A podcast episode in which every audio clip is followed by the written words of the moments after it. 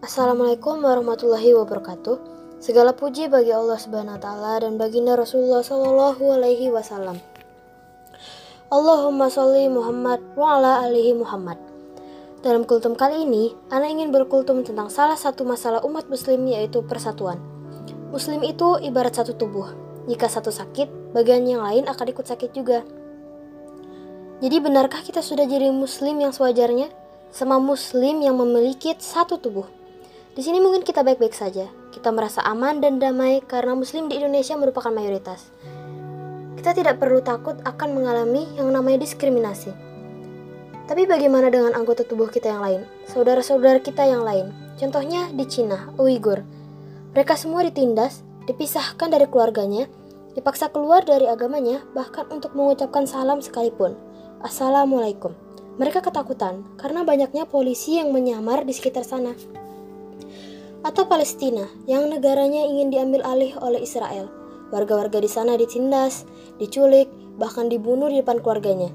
Dan sudah terjadi sejak berpuluh-puluh tahun yang lalu dan masih terjadi hingga sekarang.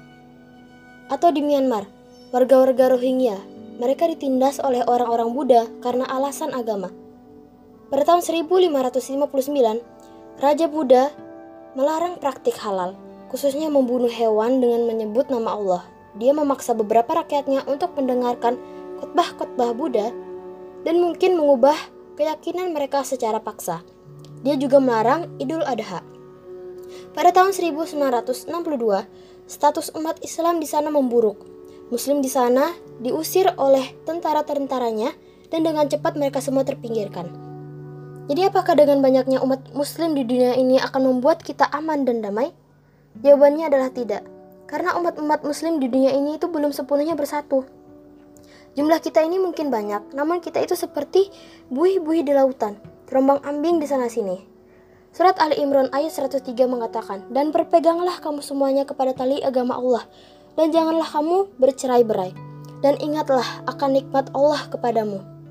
Dahulu, pada masa jahiliyah, bermusuh-musuhan, maka Allah mempersatukan hatimu, lalu menjadikanlah kamu karena nikmat Allah orang-orang yang bersaudara, dan kamu telah berada di tepi jurang neraka. Lalu Allah menyelamatkan kamu daripadanya. Demikianlah Allah menerangkan ayat-ayatnya kepadamu agar kamu mendapat petunjuk.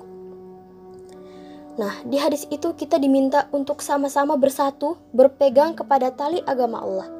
Namun sekarang kita malah mengalami hal yang berkebalikan dari ayat tersebut. Kita semua sekarang terpecah belah, sesama muslim saling bermusuhan, dan mungkin itu semua akan terus berlangsung hingga khalifah khalifah itu sudah muncul. Di situlah semua umat muslim mungkin dunia ini akan saling bersatu. Sekian dari Ana, terima kasih. Wassalamualaikum warahmatullahi wabarakatuh.